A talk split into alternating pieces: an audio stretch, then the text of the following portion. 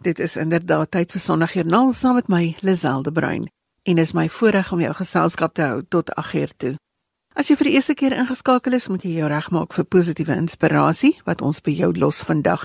Ons gesels geloof, dankbaarheid en hoop. My gaste vanoggend is Dr. Fanie Snyman. Hy is navorsingsgenoot by die Vrystaat Universiteit en ons gesels oor die Psalms. Marianne Esterhuise en Susan Tron van Merwe wil vertel van hulle geloofspad en Pietman Diener gesels tuinsake met die oog op die seisoen van skepping. En dan het gesels ek ook met Amos Petersen wat vertel van sy werk op Malta. 'n Vol program met stories wat fokus op die verskil wat geloof maak en daar's ook plek vir jou storie. Jy kan vir my SMS by 45889. Dit kos jou R1.50 per SMS. Jy kan ook saamgesels op Facebook by Sondagjoernaal se blad. Jy kry ons op DStv se audiokanaal 813 en jy kan ons ook kry op die internet by rsg.co.za.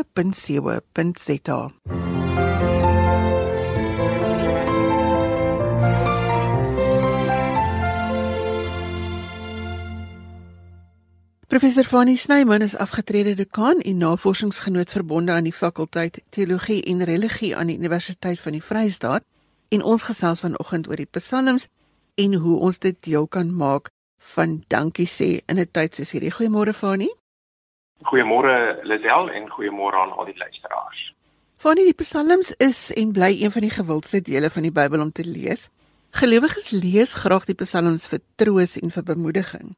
Maar iets waaroor ons nie altyd dink nie, is die vraag wat 'n Psalm is. Wat maak 'n Psalm 'n Psalm?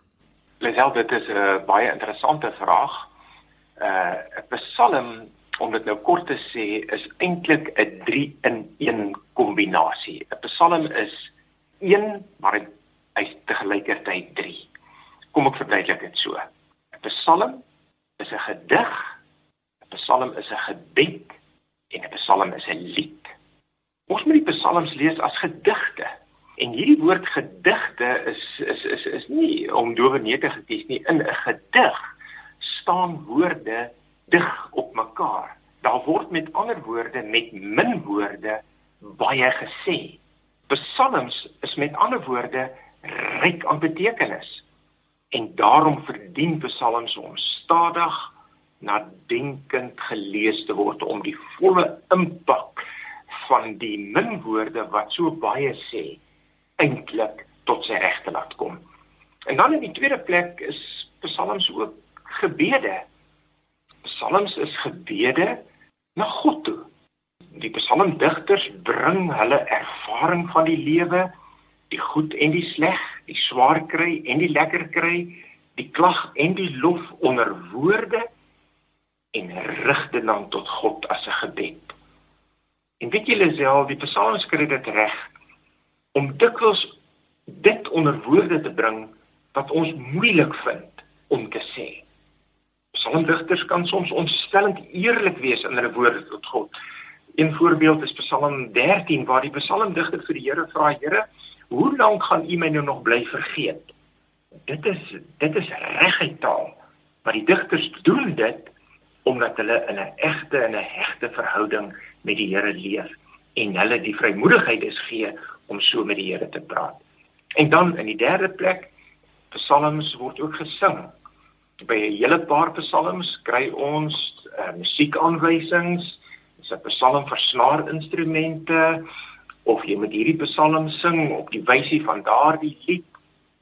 En die woord sela wat ons soms in die psalms kry, dink ons is 'n term wat waarskynlik 'n pouse aandui.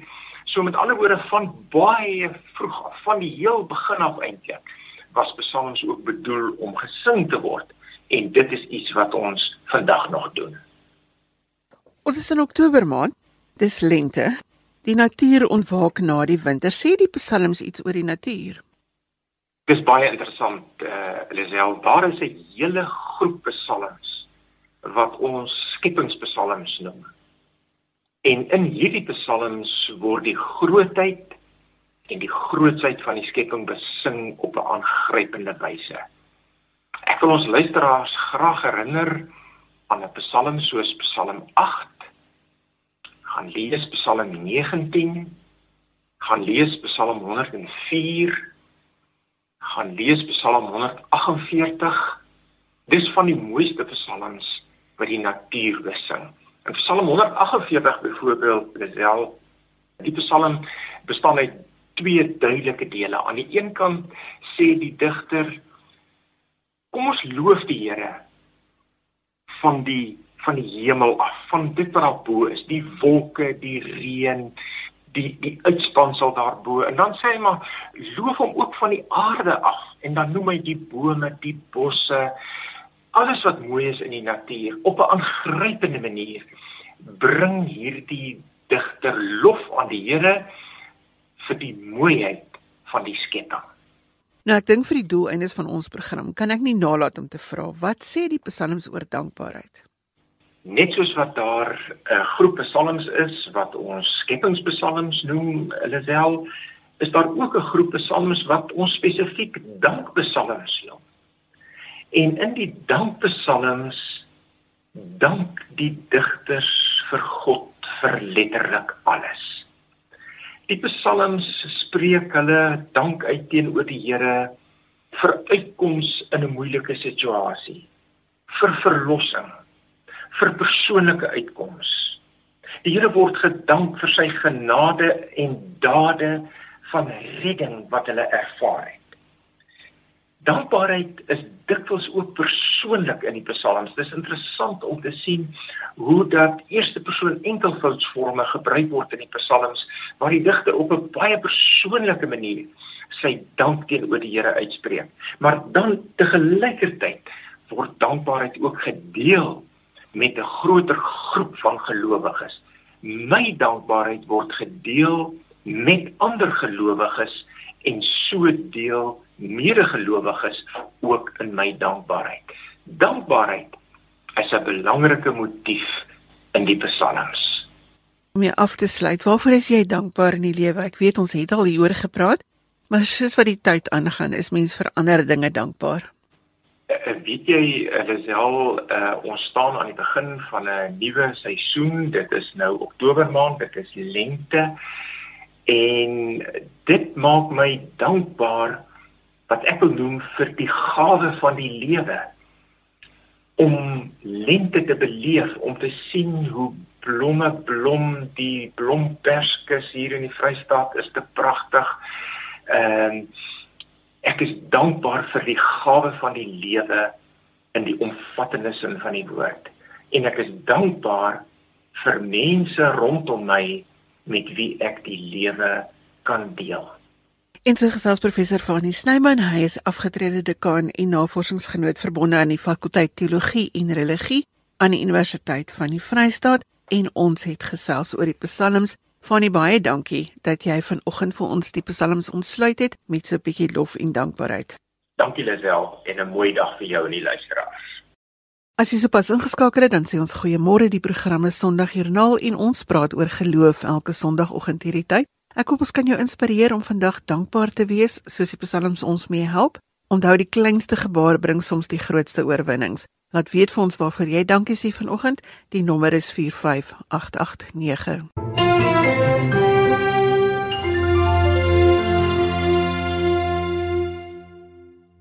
Amos Petersen het op Vredenburg in 'n VGK pastorie groot geword en hy is self 'n predikant wat in Malta gewerk het met die vlugtelinge in daardie land. Ons hoor vanoggend hoe sy pad met geloof lyk. Goeiemôre Amos. Môre Lisel. Hoe het jou grootword jare in Vredenburg gelyk? Ja, ek is 'n uh, eerste kind. So uh, ek het so in die pastorie groot geword daarso in Lowville. Ehm um, ek het baie van my dae gespandeer ook in die um, enige kerk dominee se huis waar my beste vriend was, die enige kerk dominee se se seun. Ehm um, Nou, was lekker die platteland gewees. Op uh, was laerskool daarso, hoërskool, 'n passie ontwikkel vir uh bodyboarding en rekenaartegnologie en vriende van verskillende dele van die Weskus ontmoet. Ehm uh, ja, was 'n great childhood. Ek het dit vreeslik geniet. Doen dit sommer weer. As ons almal maar die kans kan kry om ons jeug oor te hê. Jy is deel van Africa Inland Mission. Wat behels jou werk? Ja, ehm um, in Europa eh, as ons werk gefokus op migrante wat van meestal Wes-Afrika um, Europa toe kom op hierdie klein dingy bootjies. Um so soos wat hulle Europa toe kom, is daar nou 'n geleentheid om Jesus te deel met met hulle. Um ons het dan in die verlede sendlinge dat daardie areas gestuur um, en nie baie vrug gesien van die werk nie. Dit is baie moeilike grond. Um, maar nou is hulle in in 'n deel van die wêreld waar mens openlik um, oor Jesus kan praat met hulle en um, oor die woord. So ehm um, dit is wat ons doen. Ons is reg rondom Europa, meestal in Frankryk gekonsentreerd en in Spanje, maar ek was deel van die van die team wat in in Malta was. Hoekom kies jy om iewers met vlugtelinge te gaan werk, mense wat vir jou vreemd is? Mhm. Mm ja. Nee, ek uh, dink dit is grootendeels uh, die roeping wat Jesus op mense hart druk. Daar's hierdie skrifte wat herhaaldelik sê, um sien om na die na die weduwee, die die vlugteling, um die weeskind. En ons as Suid-Afrikaners het nie die beste van geskiedenis met ander Afrika migrante nie. So ek dink daar was 'n storing gewees uh, waar Jesus my geneem het na die buiteland toe. Um om met hierdie mense te werk. En nou is ek ook terug in Suid-Afrika. Nou oral waar ek gaan is daar net so hierdie bietjie van 'n ehm um, meer van 'n passie vir yes, ons as Suid-Afrikaners ehm um, ons het droog gemaak in die verlede, maar Jesus roep vir ons om om goeie burgers te wees vir vir die ander Africans, ja. So as jy nou gaan werk in 'n ander land, soos wat jy nou vir 2 jaar in Malta gebly het, wat gebeur met jou eie geloofservaring?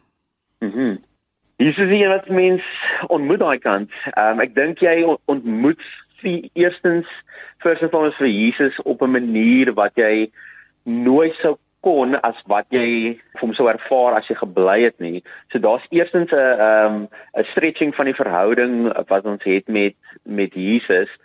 Ook daar's net 'n oop breek van om saam met Christene te werk wat 'n wêreld weg van ons af is.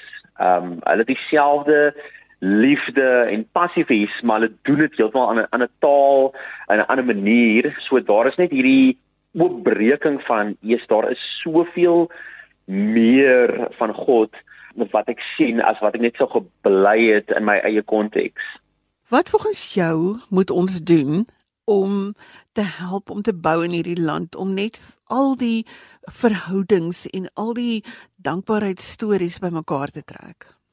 Ek dink dit is eenvoudig genoeg om mense net oor te nooi wat dalk van 'n ander ehm um, sosiale klas af is, iemand wat van 'n ander kultuur is, iemand wat van 'n ander gemeente is met hulle ehm um, 'n koffie te drink of hulle oor te nooi ehm um, om die etenstafel en net regwaar in gesprekke te tree, net mense te bevriend. Ek dink baie van die fokus is dat die leraars, pastore en dominees doen beautiful werk en connect met mense oor grense en so. Ehm um, maar daar moet ook tog 'n storing wees in ehm um, in elke liewe Christen se hart van, "Eers, ek wil met iemand connect wat um, vir Jesus dalk in 'n ander taal worship, wat van 'n ander um, kulturele agtergrond is, ander sosiale agtergrond, um, ander gemeentelike agtergrond is, um, En ek dink dit is so beautiful ding wat Jaco stryd om sê. Hy sê liefde word gespel M O E I T E moeite. Ons moet moeite maak met mekaar.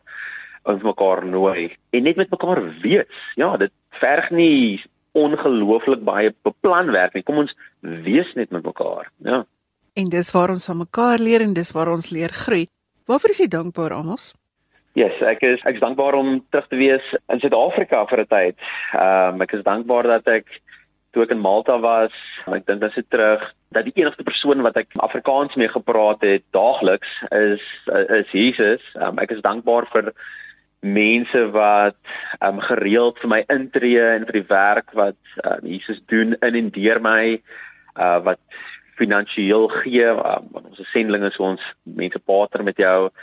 Um, en vir hierdie tyd is ek dankbaar om terug te wees in Stellenbosch uh, by my gemeente en om bietjie te te recharge en, en te ontvang weer. Ja.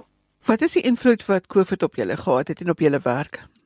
Jesus, ons moet baie kreatief geraak het oor hoe hierdie dinge te doen. Ewe skielik in Malta sluit hulle die ehm um, die ehm um, lughawe is gesluit, al die seepoorte is gesluit.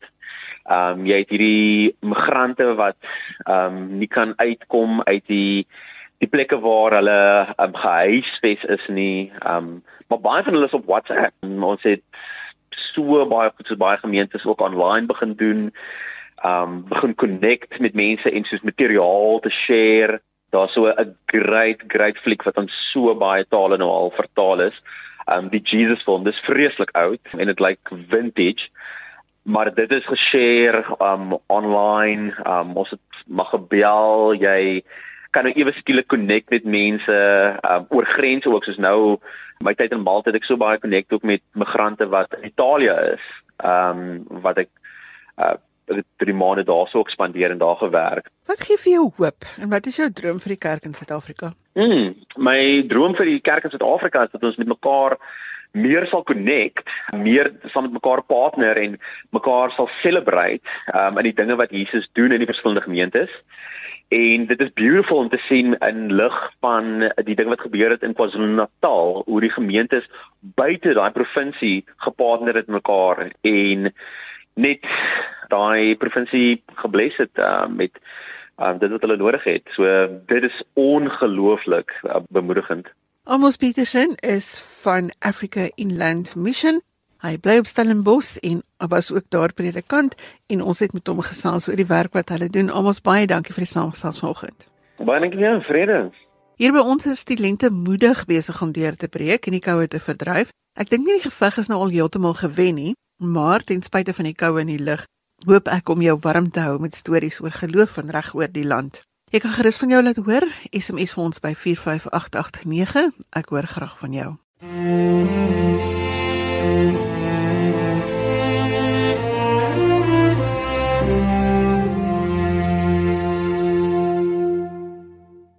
Op die kerkkalender word 'n seisoen van skepping gevier. Die skep van 'n tuin het sy, of dit nou 'n klein of 'n groot tuin is, voel vir my dat dit noodwendig ook plek maak vir nuut dink in jou gees. So vanoggend gesels ek met Piet Mandiner wat aan die hoof staan van die tuine by die Rustenburg landgoed en ons fokus op die skep van 'n ruimte waarin jy die groter skepping kan vier. Goeiemôre Pietman.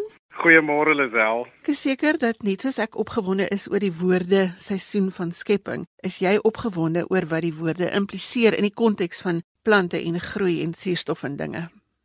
Absoluut ja, dit is ag net uit die aard van waarmee ek my daagliks besig hou met God se skepping en die natuur en plante en kreatief wees met plante en met die skepping omgang maak dit my natuurlik baie opgewonde want ons staan hier in die in die lente tyd en 'n mens kan letterlik daagliks sien hoe die ek wil amper sê die natuur ontwaak of uit sy slaap uitwakker word hierdie lekker lang nat winterslaap wat ons gehad het hier in die Weskaap waar ek nou tuin maak en waar ek werk, um, is dit wonderlik om aan die begin van 'n nuwe groei seisoen te staan en te kan sien hoe dit voor jou oë gebeur en ook swaalf te kan droom en te kan visualiseer oor oor wat nog gaan gebeur in die komende seisoene. En dis elke jaar so en dis die wonderlike van seisoene en van die natuur is dat die seisoene kom en gaan en dit herhaal en dit gee vir jou so 'n nuwe kansse en jy kan weer amper van voor begin of jy kan voortbou op jou foute of leer uit jou foute en dis waar tuin so wonderlik is en so 'n lekker leerskool is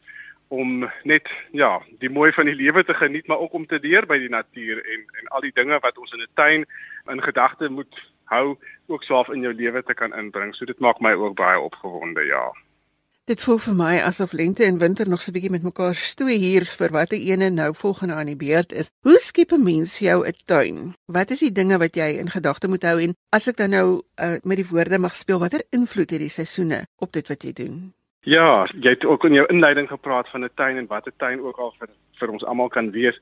Mense het natuurlik 'n spasie nodig om in tuin te maak, 'n ruimte of dit nou 'n tuin rondom jou huis is en of dit 'n balkon is en of dit dalk net 'n pot binne in 'n woonstel of in 'n kamer is en of jy dalk bo op 'n dak moet tuin maak, het jy 'n ruimte nodig om dit te doen. Baie mense het nie eers dit nie en jy kan dalk net 'n ligplantjie in hulle in hulle huis ophang of so en maar ehm um, kry vir jou spasie om dit te kan doen. Ek wat nou bevoorreg is om op 'n plaas te kan woon en werk waar ons baie ruimte het en groot areas het is dit heerlik om swaaf met die reëns en die skaal en die grootheid van die natuur om te gaan En um in so 'n tuin opset soos wat ons hier het, fokus ons verskriklik baie op ons grond. Ons kyk na ons grond se gesondheid amper voordat ons nog na die plante se gesondheid kyk.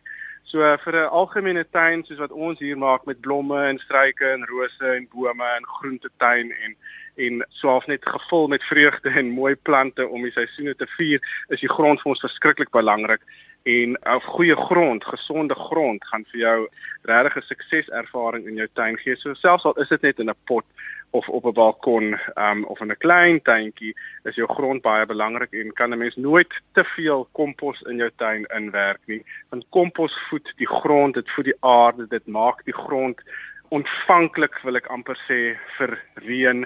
Die reën loop nie net van die grond af nie, dit kan ordentlik in syfer en in die in die grond dieper in die grond ingaan.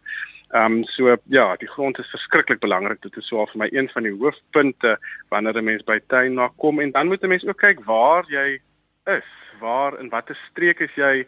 Waar jy woon, die omgewing rondom jou, heersende klimaatstoestande, het jy 'n warm somer, het jy 'n nat somer, het jy 'n droë winter, het jy 'n nat winter, watter winde waai en so aan en dis alles so af gedagtes um of aspekte wat mens in jou beplanning van jou tuin moet in ag neem en dit is iets wat ek ook voorop in my gedagtes die hele tyd het is met die tipe van plante wat ons in ons tuin plant hier in die Weskaap het ons 'n vreeslike mediterrane klimaat soos warm somermaande met warm winde en so aan wat waai en daar sekere plante wat uit ander wêrelddele uitkom wat baie goed aangepas is by daai omstandighede en ek probeer om so sensitief te wees vir die heersende omstandighede en nie noodwendig my wil af te forceer met die tipe van plante wat ek wil plant altyd nie maar ook plante te gebruik wat aangepas is by daai omstandighede. Ja, en dan as 'n mens wil tuin maak, ja, plant iets. Ek uh, sê altyd vir mense as hulle moet begin met iets kleins al is dit net in 'n potjie plant byvoorbeeld 'n kruie plantjie of iets wat jy kan gebruik iets wat jy kan versorg gee dit water gee dit kos snoei dit as dit moet maar ook gebruik dit. As jy blomme plant pluk die blomme bring dit in jou huis en waar jy dit kan geniet. Sit die kruie in jou kos of pluk die tomaties of haal die wortels uit of so aan. Um, geniet dit op daai manier en kry interaksie met die natuur en met plante en met die grond. En dis daai interaksie en die koneksie van die natuur wat dan ja, so half dieper in jou lewe kan ingaan en ehm um, dis ook daar waar die seisoene dan so half meer begin inspeel. En ek is baie bevoorreg om elke dag buite in 'n tuin te kan werk. Die die die seisoene bepaal letterlik my daaglikse werkslewe. En soos die seisoene verander, verander die tipe van werk wat ons ook in die tuin doen. Um en is dit baie lekker en dit is ook vir my baie lekker dat seisoene siklies is. Dit word elke jaar herhaal um lente, somer, winter, herfs en dan begin dit weer by die lente en so aan. So soos ek vroeër ook gesê het, ons kry elke jaar nog 'n kans um om of oor te begin of om te verbeter of weer te probeer. En dit is definitief iets. Ek hou daarvan om die seisoene in my werk te vier. Ek geniet plante wat die seisoene met oordadigheid aandui. Um en dit ook in die natuur en soos ek gesê het, ek is gelukkig om elke dag daarmee gekonfronteer te wees. Hierdie tyd van die jaar aan die lente is dit bloeisels en nuwe helder groen wat jy rondom jou sien en binnekort gaan al daai somerblomme begin blom en gaan dit soos half net 'n oordaat van kleur en reuke en geure wees en dan kom die sade en die vrugte daarna en in die herfs is dit die bome wat verkleur en blare wat verkleur en die lug wat ook sommer weer sagter word totdat die krispheid en die en die skoon alles wat so al skoon gewas word hier by ons in die Weskaap met die winterreën wanneer dit aanbreek en die kaal bome se strukture sigbaar raak en die strukture in die tuin um sigbaar raak. Um en ek hou daarvan om sommer soos in die winter wanneer alles so half kaal en dit net die groene is, um grasperke ons op om te sny en ons het met tyd nou al meer en meer blomplantjies in die grasperke ingeplant wat veral dan in die winter piek en blom en net so eenvoudig iets soos ons grasperke dan sommer net in 'n kleurtapuit omskep. En dit is my regtig net so 'n lekker viering van 'n seisoen en en en die herhaling en die uitsien daarna elke jaar. Ek is baie lief ook vir meerjariges, dis plante wat vir 'n aantal jare in jou tuin kan groei, maar met die begin van die groeiseisoen begin hulle groei en kan hulle letterlik van ek sê altyd van 0 tot hero gaan in 'n in 'n baie kort tydjie. Hulle dit is plante wat baie keer heeltemal dormant raak en en ondergronds gaan en dan baie vinnig baie groot kan word en ehm um, kan blomme maak en so aan goed soos ehm um, dahlias en Jerusalem artisjokke en so en ek is mal oor daai tipe van plante net omdat hulle so tasbaar die seisoene aan um aandui. Um en dan die laaste punt ook wat seisoene met tuin maak inbring en wat ook vir my altyd lekker is en wat mense in gedagte moet hou wanneer hulle tuin maak. Um is byvoorbeeld dat ons nou in die lente seisoen is. So ons is nou baie doenig met dinge wat in die lente moet gebeur. Jy staan met jou een voet so half in die huidige seisoen waarin ons verkeer, maar met jou kop moet jy al vooruit dink. Want wat ons ook nou moet doen is ons moet ons moet nou beplan vir die herfsseisoen. Um ons moet nou al die plaai die saadjies saai wat oor 3 of 4 maande moet begin blom en vrugte dra vir die herfstydperk. Um en en en so af dis vir my wonderlik om so vooruit te moet beplan, maar ook so af in die een voet met die in die hede te staan en met die ander voet so af vooruit te moet dink en en vooruit te moet kyk en so af jou sig altyd vorentoe moet hou. Pietman, dit voel vir my dat elke ding wat jy sê oor die tuin ook metafories op ons op ons lewens ingewerk kan word. Die goeie grondvoorbereiding, as die basis reg is, val die ander dinge in plek. Watter impak het jou werk op jou geloof?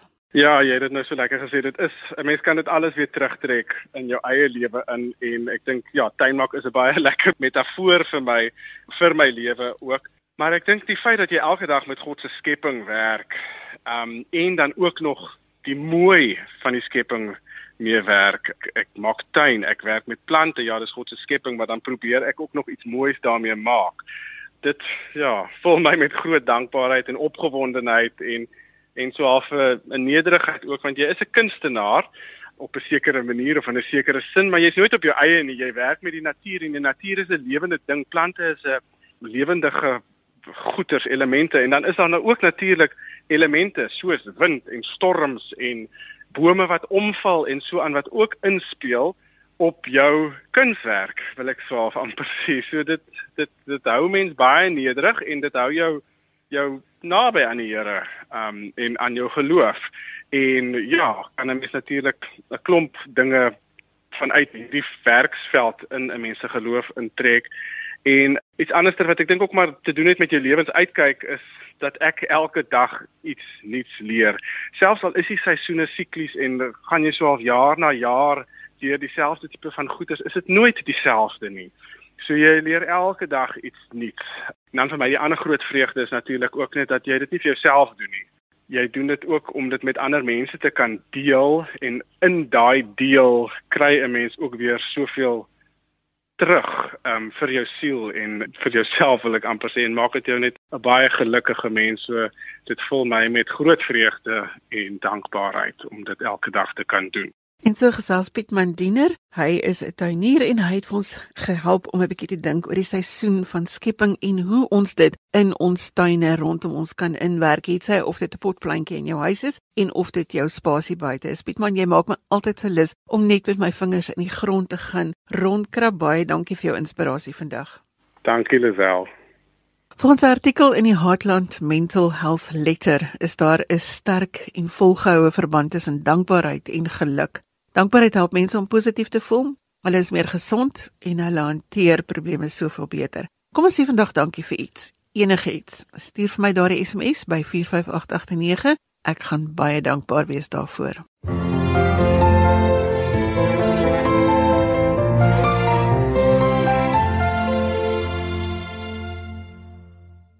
Merwewilse boere is onder groot druk as gevolg van die droogte en soos die spreekwoord lui, staan 'n boervrou se hande vir niks verkeerd nie. Twee sulke formidable vroue is Mariaan Esterhuise en Susan Tron wat ingespring het om geld bymekaar te maak op 'n ander manier. Ons gesels vanoggend met hulle oor hierdie inisiatief. Goeiemôre Mariaan. Goeiemôre Lisel. Môre Susan. Môre Lisel. Ek wil nou net eers by julle hoor, waarmee boer julle op julle onderskeidelike plase? Ons as Susan en Andre het skaap op ons plaas. Dit is ons hoofinkomste. Alhoewel hierdie laaste jaar en 'n half loop daar geen skaap op ons plaas nie. Ons kernkudde loop by van ons vriende daar in die Ceres. My man help my skoonpa op die plaas. My skoonpa boer nog steeds, so jy werk, jy help ook maar met die boerdery. Dit is ook maar skaapboerdery, hoofsaaklik skaapboerdery en by ons in die Karoo. Ons het ook die slaghuis en die slagpale op die dorp, so dis so 'n dubbeldoel bedryf wat ons aan die gang het. Die dag vir dag se stof en min water moet tog 'n invloed op julle geloof hê. Hoe hanteer julle dit? Ek sê altyd vir mense 2019 was vir my 'n verskriklike moeilike jaar, emosioneel en geestelik. Na 'n paar jaar van droogte dan begin jy moed verloor en jy begin net die sleg sien. Jy verloor eintlik jou hoop en um 2019 was vir my daardie jaar. En toe in 2020 se begin het die Here vir my um 'n gedagte gegee, eintlik 'n spreek wat nou nog in my gang teen my muur geskryf staan wat hy vir my gesê het ek moet iets groots verwag. Ek moet dankbaar wees vir alles wat ons het en ek moet geniet wat ook al oor my pad kom. So 2019 was die jaar einde van 2019 was vir my 'n draaipunt om my geloof te behou en om weer hoop te kry vir die toekoms. En ja, toe het Karoo Blessings gebeur. Iets groots wat ek nie gedink het moontlik gaan wees nie, glad nie in my gedagtes was nie. Maar ja, baie dankbaar dat dit wel gebeur het. Ons gaan nou praat oor Karoo Blessings Susan. Ek wil net eers weet jou geloofservaring met die droogte.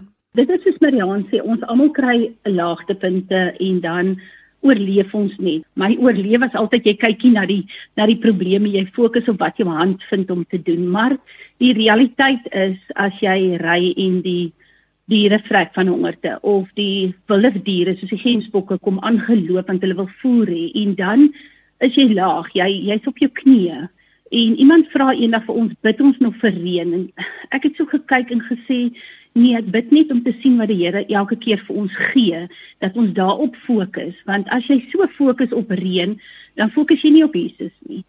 En dan kyk jy na die weerstasies en jy kyk na wat sê die weer en op die ou einde gaan jy geloof daarop en as dit dan nie reën nie, dan jy sit in 'n gat. So ek kyk nie eers meer weer nie. Ek letterlik ek en my man ons ons fokus op as ons nou appels moet inlê dan lê ons appels in en as ons nou moet ehm um, met Karoo Blessings besig is, dan doen ons dit en dit dit dit hou ons positief op die ou einde. So kom ons praat vir 'n oomblik oor Karoo Blessings. Julle twee het toe nou 'n plan gemaak wat 'n geloofstorie op sy eie is. Vertel vir ons daarvan. Die Here het vir ons 'n skrif gegee toe ons begin het um, met Karoo Blessings se droom, wil ek amper sê, het hy vir ons die skrif in Jesaja gegee waar hy sê I'm about to do a new thing. A road in the wilderness and rivers in the desert. En dit was een van die skrifte waarop ons besluit het om die die tree te gee in geloof om uit die bootjie te klim soos Petrus en te stap op die water. En ehm um, en die Here het dit bevestig vir my spesifiek met Haggai 2. Ehm um, ons logoetjie op ons boksies is 'n pers waxy seal ehm um, met ons ehm um, voorletters op die KB en die Here het daarin bevestig toe hy gesê het hy het ons uitgekies om vir hom 'n speelring te wees om eintlik die ehm um, mense te wees wat net die storie kan vertel van sy hoop wat hy gee en die wonderwerke wat hy doen want Karoo Blessings se storie het eintlik niks met my en Susan te doen nie mm. maar alles te doen met wat hy vir ons doen en hoe hy mense oor ons pad stuur mense wat gehoorsaam is om na sy stem te luister en sy hande en voete te wees ook in ons lewens. So dit is vir my 'n baie kosbare storie, ja. Susan, miskien moet jy nou net eers gou vir ons sê wat is Karoo Blessings? Wat is Karoo Blessings? Dit is nogal ja, vir my, wat is Karoo Blessings? Dit is nogal 'n ek kan niks anders te sê as 'n blessing nie. Aanvanklik toe ek en Mariaan die Nuga by Tannie Teresa gekoop het, het ons gedink, ag, ons gaan net twee twee keer 'n week werk. So ek moet van die plaas af ry. Ons kom werk twee keer 'n week. Ons is voltyds aan die gang. Ons is letterlik voltyds aan die gang. Al wat ek en sy doen is ons deel ons storie op Facebook. En die ons het gedink ons gaan vir ander mense 'n blessing wees en die Here bless ons toe van die begin af. Ek meen ons het een klitser wat ons leen wat ons moet teruggee. Ehm um, en hy't warm geraak en Len en Hendrik kom oor ons pad en hulle gee vir ons 'n splinter nuwe een. Ons het mense wat vir ons rame geskenk het. Ons het mense wat donasies vir die boere gee want ek en Marianne het vir mekaar gekyk en gesê as ons ons ons nie manne klaar betaal het want ek dink nie 'n bank sou die kans gewaag het om vir ons 'n lening te gee nie. So ons twee manne het ingespring en vir ons die lening gegee om op die besigheid oor te neem en al die aankope te doen. Dan wil ons graag iets vir Merwewil se gemeenskap terugdoen. Want ons kom van Merwewil. Dis 'n klein dorpie met ehm um, twee winkeltjies en 'n slaghuis en 'n kerk en die mense hier kry ook swaar en min het ons geweet dit gaan hierdie boksie wees en dis soos Marihan sê, dit is definitief uit die Here se hand uit want almal wen uit die boere blessing boksie uit.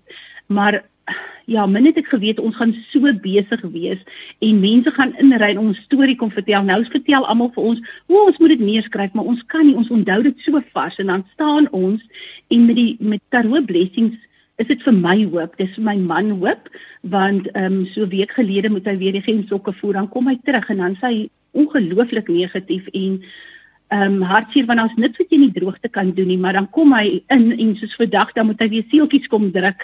Ehm um, of uh, Jubber moet vir ons kom help sny en die kinders moet linte knip. Ek moet sê hier na wil die kinders nie weer linte knip nie, maar dit gee vir ons mans ook hoop en ek dink dit is dit is wat Karoo Blessings vir my is. Dit bring weer die spakel in my man se oë terug. Jy verkoop nie net nougat nie, die, die inkomste wat jy kry, deel jy met die boere om te help om net voer te kry en kos op die tafel te sit?